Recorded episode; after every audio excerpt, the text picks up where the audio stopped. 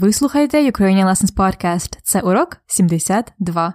Ukrainian History Course Part 2.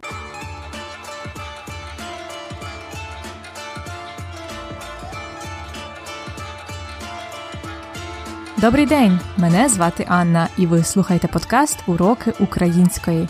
Це аудіоуроки для всіх, хто вивчає українську мову, культуру, а особливо зараз історію. Минулого тижня на подкасті ми розпочали курс історії України.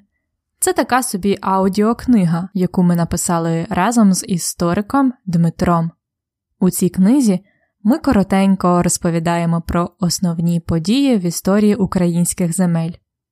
Минулого разу в епізоді номер 72 йшлося про Київську Русь, першу державу на території України.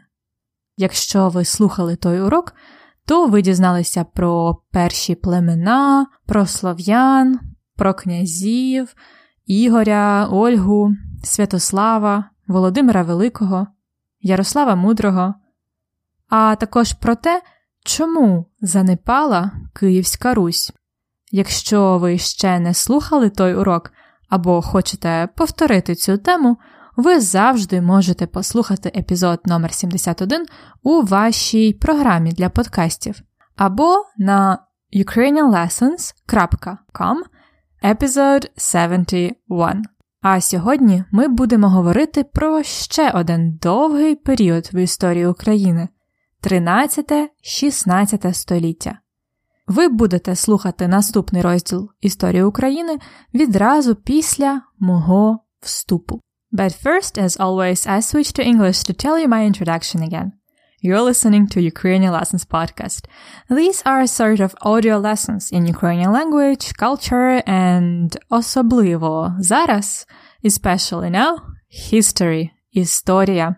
Last week on the podcast, we have started the course in Ukrainian history. It's like an audiobook that we create with uh, my friend Dmitro, who is a historian, historic. Last time we talked about Kyievska Rus, the first big state on Ukrainian territory. It was about Pershi plemena, first tribes, Slovyany, Slavs, Kнязи, kings like Igor, Olga, Святослав, Volodymyr, Yaroslav. Also we talked about чому Київська Русь занепала, why Київська Русь collapsed. If you would like to listen or re-listen to that episode, you can always go back to the episode 71 in your podcast app or at ukrainianlessons.com slash episode 71. Today we will be talking about another long period in Ukrainian history, 13-16 століття, centuries 13th to 16th. Today you will be listening to the recording three times. First, just in a minute from now, I will give you a chance to listen to the full text. Secondly, you will listen to the text by smaller chunks with some of my comments, and then you will listen to it again. And after this, I will test your knowledge in the practice section. Oh yes, and very important, if you haven't already, check out our encyclopedia. It's a list of the historical terms that I have prepared for you. You can find it at the description of the episode in your app, or in the lesson notes, or at ukrainianlessons.com slash episode 72. This list would be very helpful for you not to get lost in the names of the countries and people. So if you have a chance, you can pause here to check this list and then get back to the episode. Ну що, готові слухати другу частину курсу історії України? Тоді почнімо.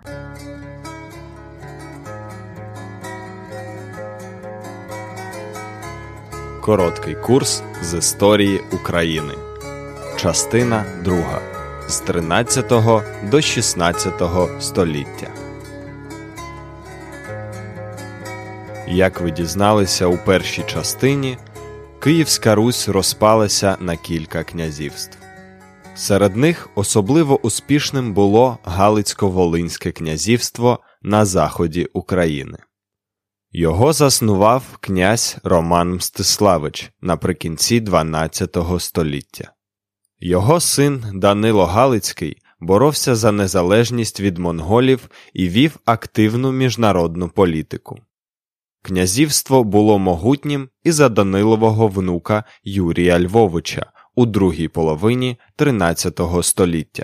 Через суперечки князів Галицько-Волинське князівство занепало, а за ці землі стали боротися Польща, Литва та Угорщина. Польща отримала Галичину, а Литва Волинь. У 14 столітті на півночі дуже потужним стало Велике князівство Литовське, яке у другій половині 14 століття приєднало до свого складу Київщину, Переяславщину і Чернігівщину.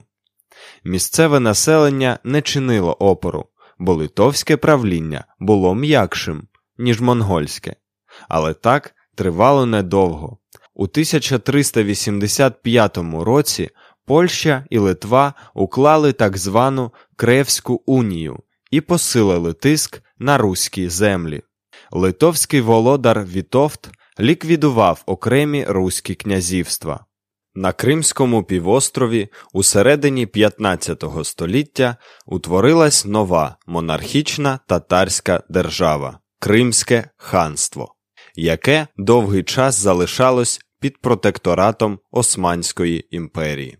Саме тоді у Криму сформувалися кримські татари, які до сьогодні зберегли свою ідентичність і культуру.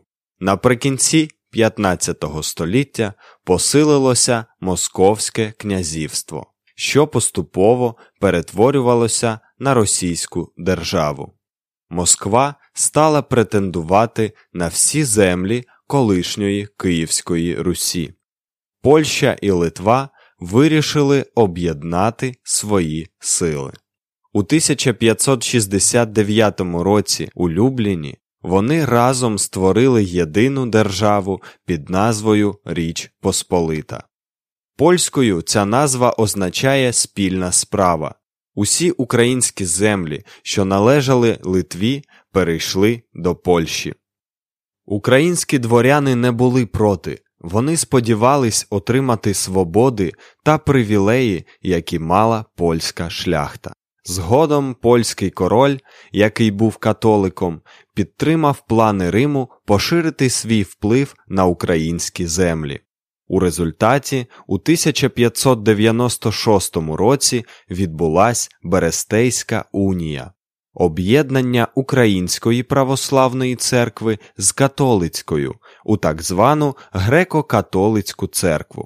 Нова церква визнає головою папу римського, приймає догмати католиків, але зберігає православні обряди.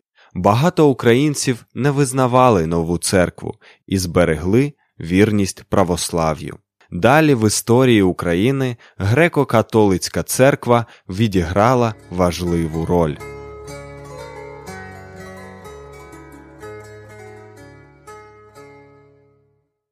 Мм, Дуже цікаво. Ви почули про багато держав, які були колись на українських землях: Галицько-Волинське князівство, Велике князівство Литовське, Кримське ханство, Московське князівство, Річ Посполита. Пропоную вам послухати ще раз першу частинку.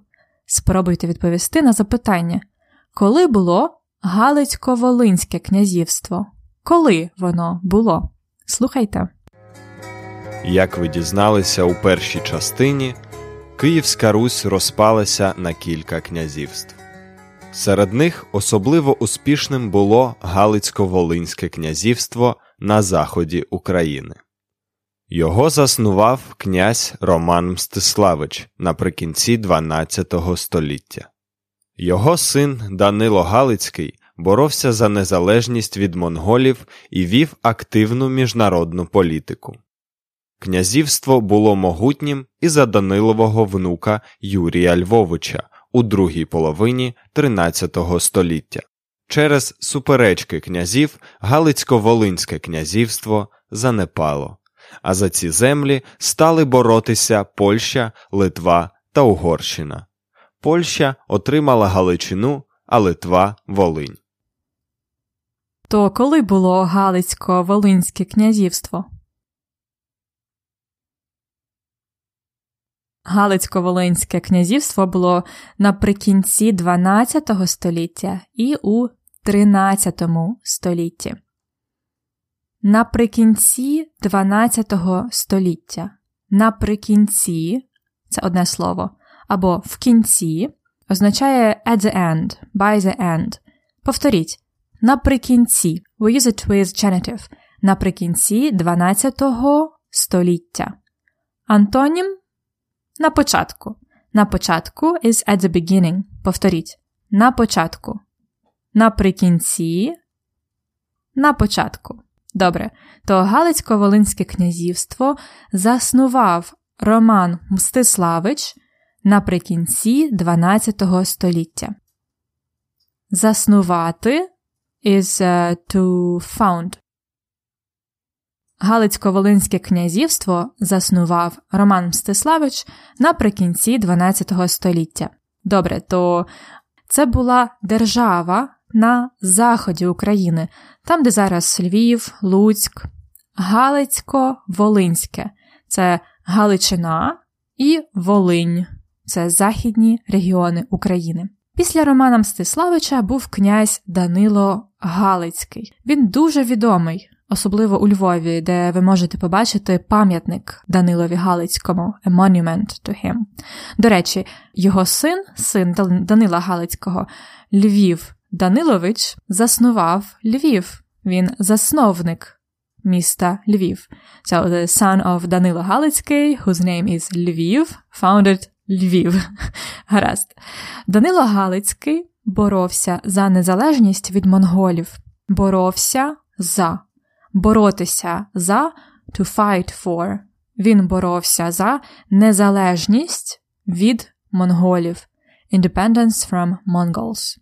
Данило Галицький боровся за незалежність від монголів. Також могутнім powerful, був внук Данила Галицького і син Львова Даниловича Юрій Львович. Юрій Львович це син Львова або внук Данила. Хух, Багато імен. На жаль, так само як Київська Русь, Галицько-Волинське князівство занепало collapsed, через суперечки князів. Because of the arguments суперечки князів.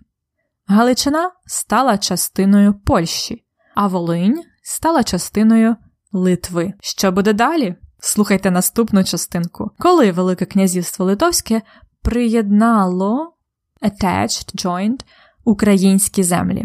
Коли Велике князівство Литовське приєднало українські землі? Слухайте.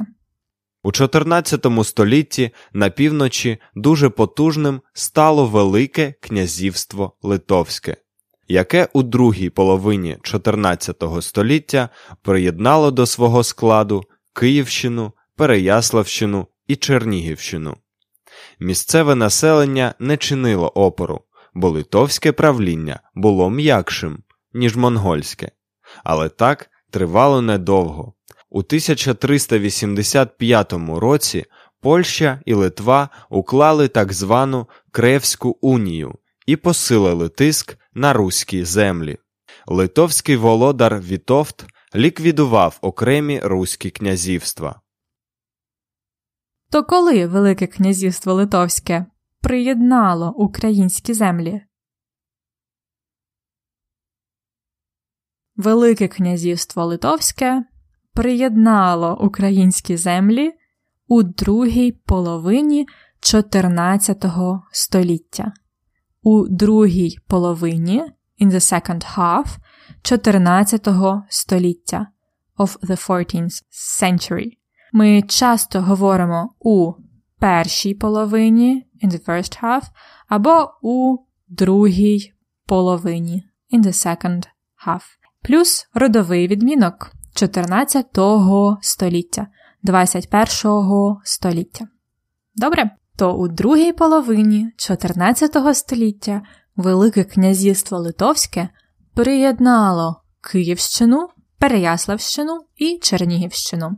Київщина, Переяславщина і Чернігівщина це регіони навколо Києва, Переяслава і Чернігова. Так само ми скажемо, наприклад, Вінниччина, Львівщина, Хмельниччина. Добре? Місцеве населення не чинило опору. Чинити опір to resist. Чинити опір. Literally to show resistance. Чинити опір. So local people didn't resist. Місцеве населення не чинило опору. Чому? Бо литовське правління було м'якшим, ніж монгольське. Lithuanian government правління було м'якшим, softer, ніж монгольське, than Mongolian. Але знову ж таки, на жаль, Польща і Литва уклали так звану Кревську унію. These two countries they signed, уклали так звану Кревську унію, so-called Кревська Union. So they decided to collaborate, і литовський володар Вітовт ліквідував окремі руські князівства. Вітовт, Lithuanian ruler, liquidated the principalities of Русь. Наступна частинка. Слухайте, коли сформувались кримські татари. Коли сформувались кримські татари? На Кримському півострові у середині 15 століття утворилась нова монархічна татарська держава Кримське ханство, яке довгий час залишалось під протекторатом Османської імперії. Саме тоді у Криму сформувалися кримські татари, які до сьогодні зберегли свою ідентичність і культуру. Отже, Кримське ханство це держава, яка сформувалась у середині 15 століття. У середині in the middle of, плюс родовий відмінок теж. У середині 15 століття. Тоді сформувались і кримські татари, які до сьогодні зберегли свою ідентичність і культуру. Тобто у 15 столітті сформувались кримські татари. Далі, що таке Річ Посполита? Слухайте.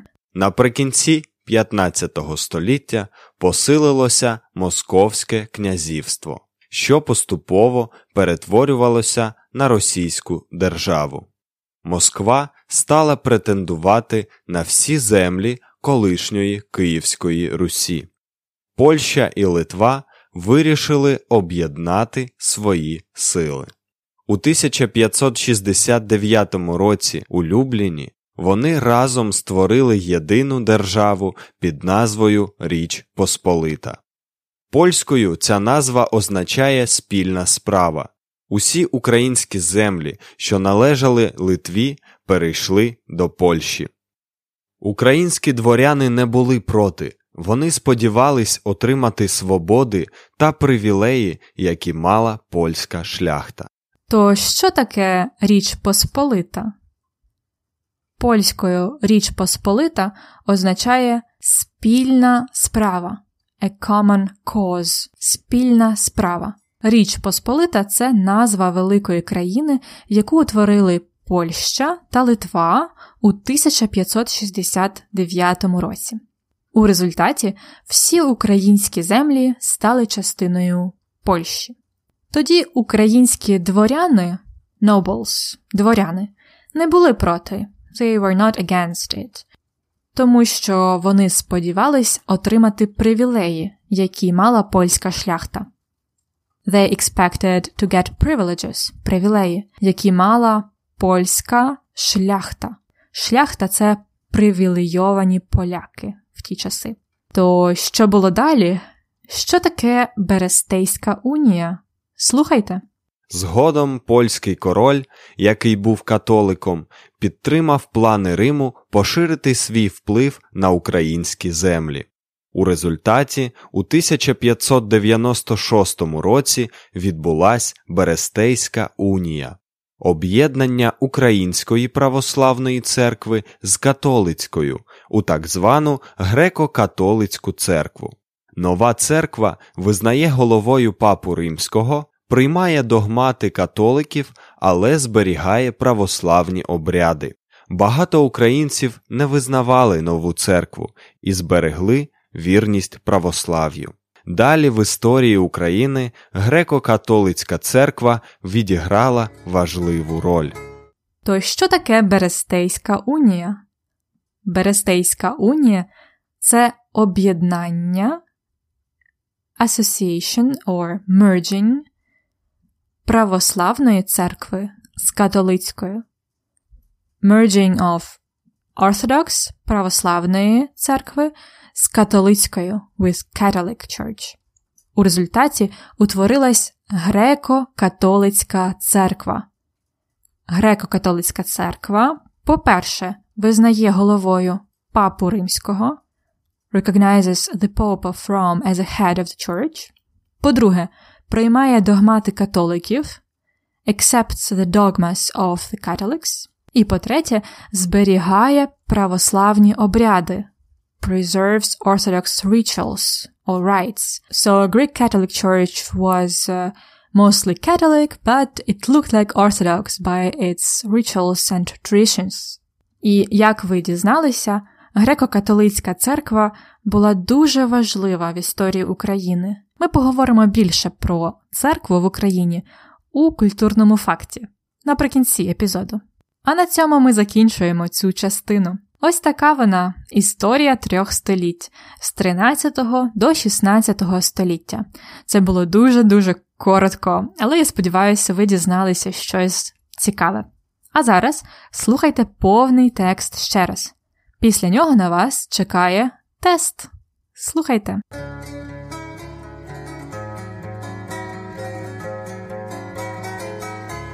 Короткий курс з історії України. Частина 2. З 13 до 16 століття. Як ви дізналися у першій частині, Київська Русь розпалася на кілька князівств. Серед них особливо успішним було Галицько-Волинське князівство на заході України. Його заснував князь Роман Мстиславич наприкінці XII століття. Його син Данило Галицький боровся за незалежність від монголів і вів активну міжнародну політику. Князівство було могутнім і за Данилового внука Юрія Львовича у другій половині XIII століття. Через суперечки князів Галицько-Волинське князівство занепало, а за ці землі стали боротися Польща, Литва та Угорщина. Польща отримала Галичину, а Литва Волинь. У 14 столітті на півночі дуже потужним стало Велике князівство Литовське, яке у другій половині 14 століття приєднало до свого складу Київщину, Переяславщину і Чернігівщину. Місцеве населення не чинило опору, бо литовське правління було м'якшим, ніж монгольське, але так тривало недовго. У 1385 році Польща і Литва уклали так звану Кревську унію і посилили тиск на руські землі. Литовський володар Вітовт ліквідував окремі руські князівства. На Кримському півострові у середині 15 століття утворилась нова монархічна татарська держава Кримське ханство яке довгий час залишалось під протекторатом Османської імперії. Саме тоді у Криму сформувалися кримські татари, які до сьогодні зберегли свою ідентичність і культуру. Наприкінці 15 століття посилилося Московське князівство, що поступово перетворювалося на російську державу. Москва стала претендувати на всі землі колишньої Київської Русі. Польща і Литва вирішили об'єднати свої сили. У 1569 році у Любліні вони разом створили єдину державу під назвою Річ Посполита. Польською ця назва означає спільна справа. Усі українські землі, що належали Литві, перейшли до Польщі. Українські дворяни не були проти, вони сподівались отримати свободи та привілеї, які мала польська шляхта. Згодом польський король, який був католиком, підтримав плани Риму поширити свій вплив на українські землі. У результаті у 1596 році відбулась Берестейська унія, об'єднання Української православної церкви з католицькою у так звану греко-католицьку церкву.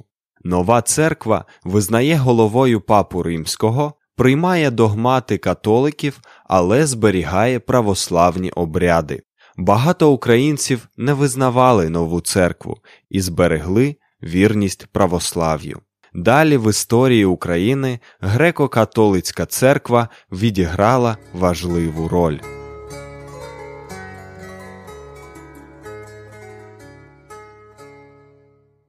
Час практики на подкасті.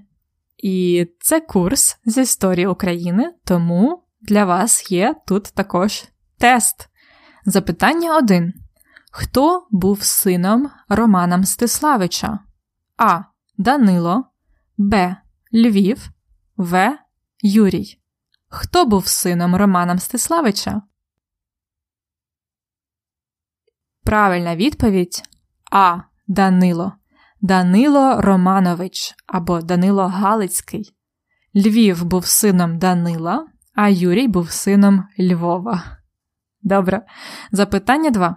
Яка держава сформувалася на південних українських землях у 15 столітті? А. Велике князівство Литовське, Б. Річ Посполита, В. Кримське ханство. Питання було, яка держава сформувалася на південних українських землях у 15 столітті? Правильна відповідь В. Кримське ханство, бо це держава на південних South, південних українських землях у 15 столітті. І запитання 3.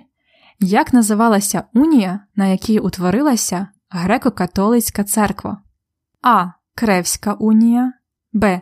Люблінська унія, В. Берестейська унія. Питання: як називалася унія, на якій утворилася Греко-католицька церква? Правильна відповідь В. Берестейська унія. На Берестейській унії утворилася або сформувалася Греко-католицька церква.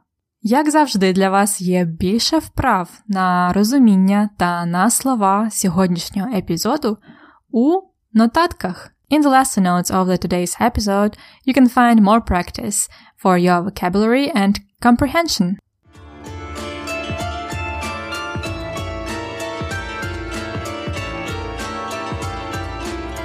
Культурний факт на подкасті Let's talk more about релігія в Україні.